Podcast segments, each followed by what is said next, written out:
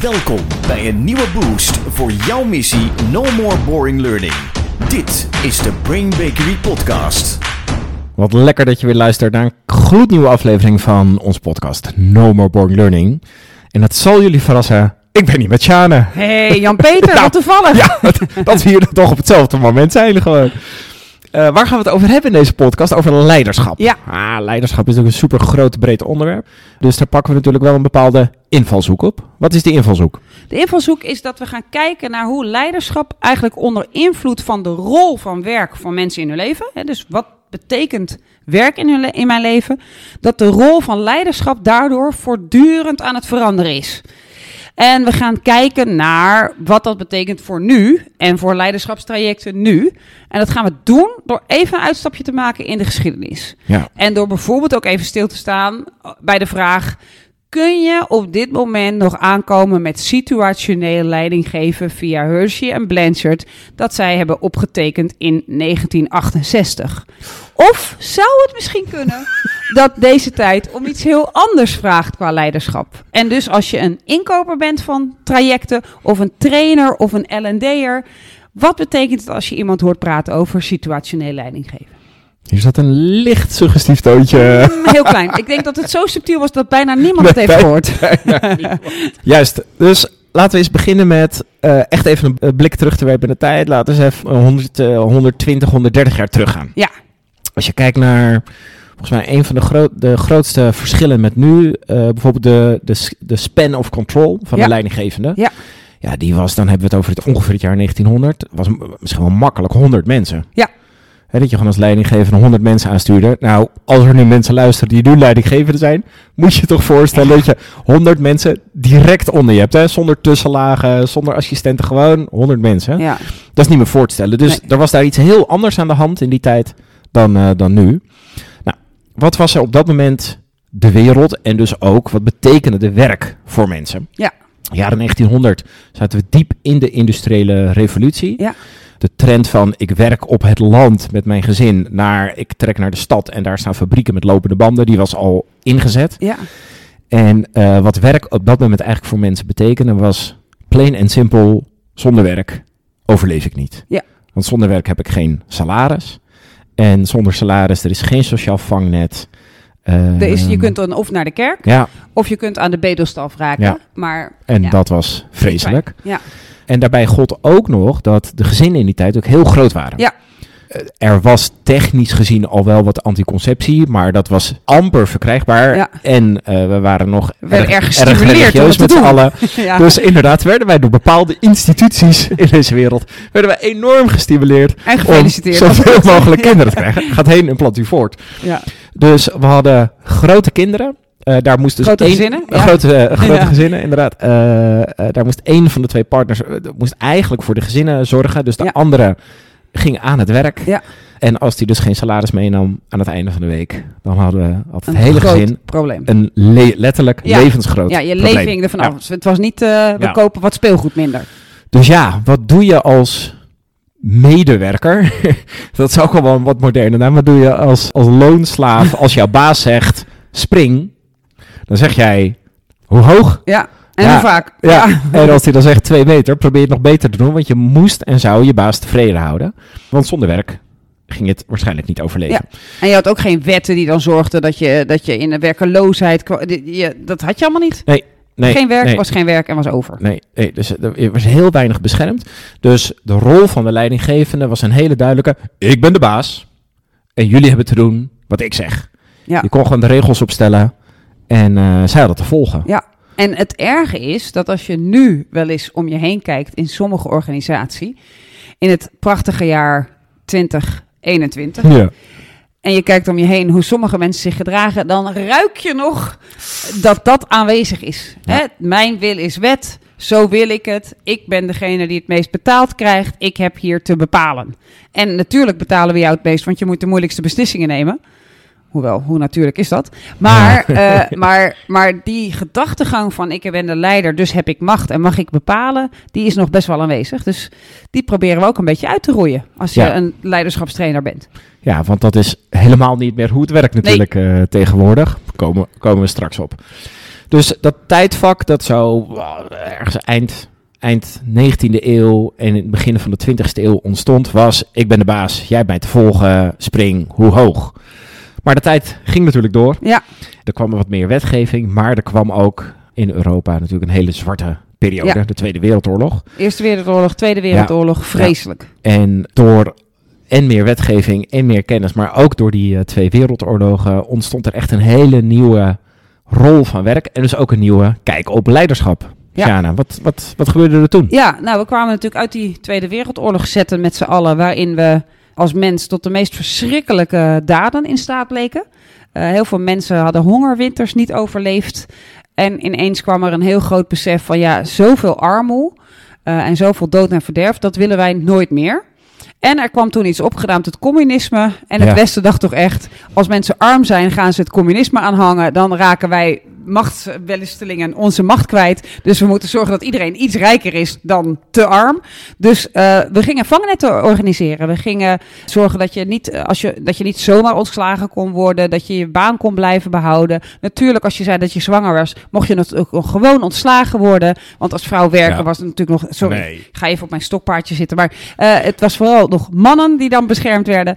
Maar er kwamen wat wetten waardoor werk niet alleen maar ging over overleven. Hè, je werk ging ook nog over jezelf een klein beetje ontplooien. Dat begon zo'n Ja. beetje te ontstaan. Ja, er, er kwam ook wat klein beetje sociale dynamiek op de werkvloer. Ja. hè? Je kon het al wel wat gezellig hebben met, met collega's. Precies, ja. En toen gingen we naar een hele andere periode, jaren 60, 70. En toen werd het materialisme een beetje belangrijk. Ja, ja, jaren 60, 70, wat er gebeurde was in, in heel West-Europa ontstond er een enorme welvaart. En in het jaar 1969 was de eerste openlijke verkoop ook van de anticonceptiepil. Juist. Dus wat je daar zag was de, een enorme stijging van het aandeel vrouwen op de werkvloer. Ehm, want eh, de kinderen gingen meer naar school, langer naar school. eh, Je had de- er minder? de- je had er minder. Ja, En de salarissen namen toe. Er waren gewoon veel meer technologische uitvindingen. Dus mensen dachten, wat kunnen wij een lekker leven leiden. ik neem een wasmachine. Juist, ik ja. neem een wasmachine en ineens ook een televisie, zwart-wit eh, Ja. televisie nog. En mensen gingen ineens op vakantie. Ja, Dat hoorde ik ook wel van mijn ouders, ja. die precies in deze tijd ook gingen werken. Ja, dan Ja. ging je voor het eerst ook, ook buiten Nederland op vakantie. En als je het heel goed had, zelfs buiten Europa op vakantie. ja. Dus werk kreeg een hele andere invulling voor mensen. Ja. Namelijk, ja, ik werk zodat ik geld verdien, zodat ik leuke dingen kan doen. Ja. Zodat ik een lekker leven kan leiden. En het ging dus minder over, dan ga ik dood. Ja, precies. Of mijn gezin heeft geen eten en gaat dood. Ja. ja. En door de welvaartstoename was er ook meer werk. Ja. Hè, mensen werden beter geschoold. Dus de houding vanuit de leidinggevende, ja, voor jou 300 anderen, die, die kon je niet meer maken. Nee. Sommigen hadden er misschien nog wel, maar die kon je niet meer maken. Eh, want dat was helemaal niet zo. Nee, en in die tijd schreven dus Hershey en Blanchard ook op... hey, als leider ben je eigenlijk een beetje ten dienste van jouw mensen. Ja. En moet je dus kijken, ja, natuurlijk gaat het allemaal om taakvolwassen zijn. Maar je moet ook een klein beetje rekening gaan houden per persoon met situationele leiding geven S1, S2, S3, S4. Waar zit iemand en welk soort leiding geven moet ik die persoon laten zien? Nog steeds heel erg gedacht van, ik ben hier de leider. Eh, jij bent de volger. eh, maar wel, ik moet me wat aanpassen aan wat mijn leidingnemende nodig heeft van mij. En dat was daar voor het eerst eigenlijk best best wel revolutionair. ja. Dus als je dat in 2021 nog aan mensen leert. nou ja, goed, daar komen we straks op. Ja, dus de rol van de leidinggevende was ook wat meer interesse hebben in de mens Ja. achter. eh, het is inderdaad de dienende, maar ook, ook interesse hebben in wat gebeurt er eigenlijk in jouw privéleven. Ja, Hè, De human interest eh, kwam wat op. Dat was voor die tijd nieuw en relevant. Maar ja, dat was wel de jaren 60 en 70. Ja. En inmiddels zijn we toch wel weer wat verder. klopt. Laten we eens even inzoomen op het tijdsvak waar we nu eh, in terecht gekomen zijn. Ja, als je nu kijkt, dan zie je dat eh, waar we vroeger, dat, en dit- dit speelt al een jaar of twintig, maar wat, waar, waar je vroeger als kind, als je opgroeide in de jaren 60, 70, moest je nog gewoon gehoorzamen. Je moet gewoon zo laat naar bed, Ja. want dan, dan hebben de ouders de tijd die zij hebben. Maar als je kijkt naar kinderen van nu en jongeren van nu, eh, of de generatie eh, Z en, de, en de, de generatie Zoomers, heten ze, heb ik laatst gelezen, de, de allernieuwste generatie, Zoomers. Ik weet niet of die term blijft houden, maar die zijn opgevoed met onderhandelen. Die mogen over alles onderhandelen met mama, met papa. Uh, als ik mijn kamer nu opruim, krijg ik dan dat? Of, of als jij nu naar bed gaat, dan krijg jij dat. Er wordt voortdurend over alles onderhandeld. Dus voor hen is het super normaal om iemand die een autoriteitspositie heeft in hun leven, om daartegen te zeggen, eh, voor wat hoort wat. Dat zeg jij nou wel. Maar, eh, Ja. ja. En, eh, maar als ik het nou zo doe, Ja. krijg ik dan dat. Ja. Dus ik weet nog wel dat ik teams recruiters heb getraind die dan echt dachten: sorry, maar ik ben opgevoed met dat je zegt: dank u wel dat ik dit salaris bij u mag komen verdienen. Dank voor het aanbod. En dan ging je het misschien wel afwijzen, maar je ging niet onderhandelen. En nu zitten er gewoon mensen onderuit gezakt in hun eh felkleurige met gimpen op tafel. En die zeggen dan: Huh, zo weinig? Ik wou eigenlijk meer verdienen. dus je ziet dat de, de rol van werk is heel erg veranderd. De rol van werk is niet, ik wil materialistische dingen kopen. De rol van werk is, ik wil mezelf uitdrukken. Kijk naar die hele opkomst van Simon Sinek met why. Waarom Ja. doe ik dit? Wat is mijn purpose in life? De ikigai. Eh, wat is mijn rol, mijn droom in het leven? En ja, een leidinggevende is dus een soort gene die mij helpt succesvol te zijn en die mijn, mij helpt mijn dromen na te jagen. Jammer genoeg moet dat bij jouw bedrijf, maar, maar ik, mijn mensen staan niet meer op. Ja, je hebt salaris nodig. Eh, je krijgt meer salaris dan dat je werkloos bent. Dus ja, en dat, in- dus geld is nog steeds belangrijk. Maar waarom we werken is geworden om mezelf tot uitdrukking te brengen. Ja. 1,1 miljoen ZZP'ers nu in ons land. Die allemaal graag van de 17 miljoen. En 17 miljoen zijn alle mensen, niet Al- eens ja, alle precies. mensen die niet werken. Dus hoeveel werkenden hebben we eigenlijk? Wat zijn? Twa- 12 miljoen, zoiets? Misschien, ja. En daarvan is dus Ja. 1,1 miljoen, bijna 10% is dus ZZP'er. Want wat die doen is, die verdelen hun tijd tussen... Ik hou ontzettend van, ik zeg maar wat, kajakken. Dus iedere maandagochtend wil ik gewoon kajakken. Want dat is mijn droom in mijn leven. En ik heb ook een kajakblog. En ik zit op TikTok met kajak. En daarnaast wil ik een beetje werken. En dan wil ik het vooral heel fijn hebben met mijn collega's. En daar zie je dus ook dat ze dan dus zeggen, ik wil wel werken, maar ik wil wel werken op de momenten, Ja, eh, op de momenten dat het mij goed uitkomt. precies. Veel flexibeler. Ja. Wat lekker kan zijn voor een werkgever.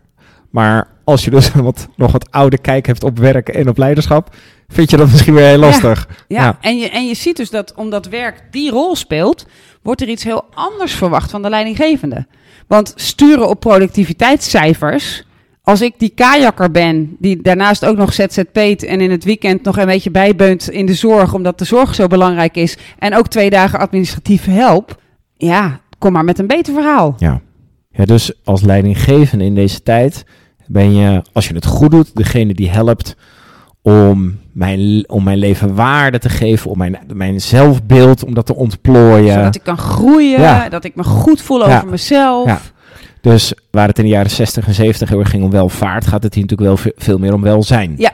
Hoe voel ik me, mezelf, ontwikkeling. Kijk naar mindfulness trainingen. Je kunt heel vaak aan, aan de trainingswereld, wat is daar belangrijk in, kun je dat gaan zien.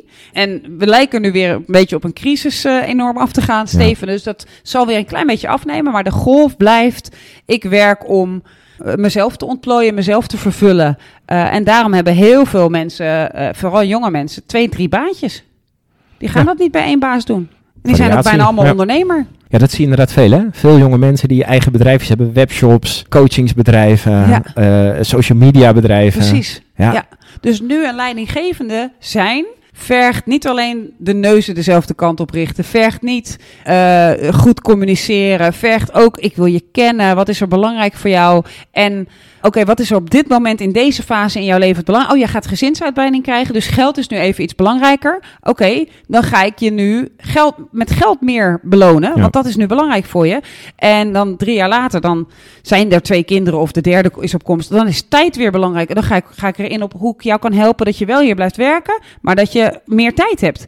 En daarna is studie. Ineens wil je ontplooien. Je krijgt een midlife crisis. Je denkt, is dit alles? Ik wil toch een hoge, mooiere baan of iets moois leren. Oké, kan ik je helpen met de studie? Dus als leidinggevende ben je helemaal in tune van wat what makes you tick?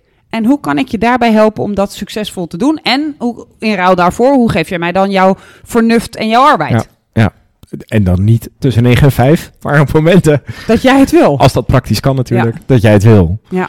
Hey, je noemde me net even tussen neus en lippen door, noemde jij eh, de neuzen dezelfde kant op. Ja. Is een uitspraak, wij geven natuurlijk veel leiderschapstrajecten die ik nog wel eens hoor van Ja. eh, deelnemers. Ik denk dus dat als je die nu zegt als leidinggevende, hè, ik wil in mijn team de neuzen dezelfde kant op, er zit ook goede intentie achter, maar dat past dus helemaal niet meer bij deze tijd. Nee, nee het, het- wa- waarom ben je manager zou nu moeten zijn? Ik wil zorgen dat iedereen in mijn team volgens zijn of haar maatstaven wint. Dus ik wil kijken, wat is er belangrijk voor Jan-Peter? Ik wil dat hij daarop in slaagt. Ja. En dan liefst dat dat mij ook nog helpt met mijn team. En ik wil kijken hoe Marie met dit en dit in haar leven aan de hand, hoe ik haar nu het beste dien. Want als ik haar het beste dien, dan geeft zij mij het beste terug wat ik nodig heb voor mijn organisatie. Dus dit gaat nog veel verder dan eh, wat we net de jaren 60 Ja. zeiden. Even weten wat is de naam van je kat en hoeveel kinderen heb je. Ja. Dit gaat om je medewerkers echt goed leren kennen. Ja. Eh, en, En, in dus, elk geval weten wat belangrijk voor ze is. Ja. ja. en dus, maar daar vertellen we denk ik niks nieuws van. Je scope of eh, je span of control. eh, waar we begonnen met 100 mensen makkelijk. Wat vind jij nu een redelijke? Voor- De laatste literatuur zegt, zegt 6, 7. Ja. Eh, en 10 wordt nog in heel veel organisaties gedaan. 12 zie ik ook nog voorkomen. Maar dat zit ook nog in de gedachte, die 10 en 12, dat je dus aan het eind van het jaar dan het hele jaar door gaat nemen met die 10 of die 12. Ja. En dat je ze verder alleen in de wandelgangen spreekt. Eh, terwijl ja, het concept van dat je één keer per jaar afrekent, komt natuurlijk uit de vorige eeuw nog. Ja. Het gaat nu veel meer over dat je, dat je weet, oh, dit is er aan het gebeuren. Oké, zijn lievelingstante is ziek. Hij wil graag voor haar zorgen. Als ik de beste werkgever voor hem wil zijn, moet ik nu faciliteren dat hij dat kan. En dat ik aan zijn zijde sta en dat ik hem help. En dat we daar realistisch over praten. Wat ga jij voor mij doen? Ja. Dat, maar dat je dat opengooit en dat je daarin geïnteresseerd bent. In plaats van dat je aan het eind van het jaar zegt... Nou, ik vond je wel erg afwezig. Ja, toen ging mijn tante dood. Oh, Oh, oh ja. Oh. Oh. Oh ja. Oh. ja, dat wist ik ergens wel. Ja. Ja. Nou, ongelooflijk. Ja. Dus ik denk dat we ook kunnen vaststellen dat leiding geven verschrikkelijk veel moeilijker is dan ja, 100 jaar geleden. Ja, heel, ja, dat kun je wel zeggen. En dan wil ik nog wat over zeggen over dat, dat 100 jaar geleden. Mag ik even de, cynische, de cynische stem eh Ja. vertegenwoordigen? Ja, doe dat, doe het. Ehm, want ik denk dat heel veel trainers en LSD'ers die wel herkennen. Je geeft eh, training aan een groep leidinggevenden. En bijna altijd ontstaat er op een gegeven moment een gesprek. Ja, die jeugd van tegenwoordig. ze zijn verwend. Ze hebben Mhm. weinig discipline. Ik wil niet dit gesprek nu naar een generatieconflict gaan leiden. Want dat is een heel ander onderwerp. Maar als jij als leidinggevende nu al op het hogere leeftijd zit. Dus je bent ook echt leidinggevende geworden in de jaren 60, 70, 80, 90. 90 dan. En je geeft nu, anders wordt het misschien. En je geeft nu leiding, dan is dat, dan wordt er echt heel wat anders van je gevraagd. Ja. Dus ik kan me ook voorstellen dat leiding, leiders dat ook echt oprecht heel lastig Ja. vinden. En dan wel eens, dat is niet heel goed, kijken naar de jongere generatie met, jeetje, het moet wel altijd helemaal hun volgens manier. wat jij wil. Ja. Ja, klopt. En ik denk ook dat, het, dat je niet eens benoemd hoeft eh, te zijn of, of leidinggevende moet zijn geworden in die jaren. Ik denk dat als je dus in de jaren 90 leiding kreeg van iemand, eh, of in de jaren 2000, dat je nog in de generatie leiderschap zat die nog dacht in hoe het tien jaar daarvoor was. En dat heeft zich ook weer in jou gezet. Dus je hebt, je hebt ervaren hoe zij deden, daar vond je wat van. Maar op het moment dat jij dan nu benoemd wordt, denk je, ja, dat was mijn voorbeeld, Ja. dus dat ga ik nu ook doen. Ja. Waarom hebben leidinggevenden nu ook nog steeds veel meer een jasje aan dan niet leidinggevenden? omdat, omdat de generaties dat aan elkaar doorgaan. Ik ga nu een jasje aan doen, Ja. want ik ben nu leider. Ja. Ja. Ja, dus wat is Hershey en Blanchard? Daar, eh, daar hadden we het net over. Ja, ja die, Is die- dat dus versleten? Is het niet meer relevant? Het is het idee erachter dat je goed moet kijken naar je leidingnemende, hè, naar degene aan wie jij leiding geeft, en dat je, die, dat je moet gaan individualiseren. Wat heeft deze persoon nodig in deze fase om hem of haar te helpen om zo succesvol mogelijk te zijn? Dat basisidee, dat is natuurlijk gebleven. Ja. Maar het idee dat je gaat kijken naar is gemotiveerd, is niet gemotiveerd, te, te, te, en dat alsof dat een soort in te delen is, dat is, dat is echt veel te oud. Je, je moet als leidinggevende nu weten, eh, geld kan motiveren, tijd kan motiveren, zorg voor anderen kan motiveren. Hier zo hersenloos mogen werken, Ja. wel heel veel doen, maar hersenloos, zodat je, je al je passie op je TikTok-kanaal kan zetten. Eh, dat kan motiveren. Dus je moet, je moet veel meer dingen weten die daar belangrijk in zijn. En daar je leiderschapsstijl op aanpassen. En van daaruit eerst connectie maken met de persoon. En dan vervolgens zorgen dat je hem of haar zo succesvol mogelijk maakt in het werk wat jij wil dat ze doen. Ja. Is er dan wat en Blanchard met situationeel leidinggevende was een, dat is een model dat alle leiderschapstrainingen overal ter wereld eh, Ja. zag dat tevoorschijn komen. Is daar dan eigenlijk net zo'n alternatief hoor. Ik zie hem nog niet echt. Ik denk dat er wel in verschillende eh, landen en locaties dingen zijn. Ik denk dat eh, bijvoorbeeld Simon Sinek, ik noemde hem al even met die golden circles, met what is the why why we do this, dat dat een poging is om een soort nieuw leiderschapsmodel te gaan, gaan hebben. Je ziet Gary Vee, die heel veel zegt van ja, ik moet dus van ieder van mijn medewerkers weten in welke fase in hun leven zitten ze en wat is belangrijk voor ze en daar moet ik op inspelen. Dus je ziet hem een voorbeeldrol daarin pakken. En je ziet ook nog verschrikkelijk veel. Joh, je werkt hier in een fabriek, hou je bek en eh, rent tien rondjes en eh, dan krijg je geld. Je ziet ook nu dat de rijken steeds rijker worden en de armen niet Ja. heel veel rijker. Dus dat er ook wel een belang is van sommige organisaties, bewust of onbewust, om mensen een beetje afhankelijk te houden van het geld. Want dan zijn ze in elk geval nu nog een productiemiddel voordat we aan de robots gaan. De human resource. Mhm. We hebben het al eerder over gehad, Ja. volgens mij. Ja, dus voor onze luisteraars, als je nu als inkoper van training of zelftrainer of, of L&D in een organisatie zit en je praat met je leidinggevende in je eigen organisatie of over leiderschapstrajecten en je hoort dus concepten terugkomen die wij nu net hebben besproken die niet meer passen bij deze generatie, weet dan dat er, daar zit dus nog er zit een historisch restje Ja. eh, achter, hè? Ja, dat is mooi gezegd. ja. Historisch restje. Wat Ja. heel logisch en heel menselijk is. Maar dat betekent dat je mensen mee moet nemen in ja, hoe kijken mensen. Wat, is, wat betekent werk nu voor mensen? Ja.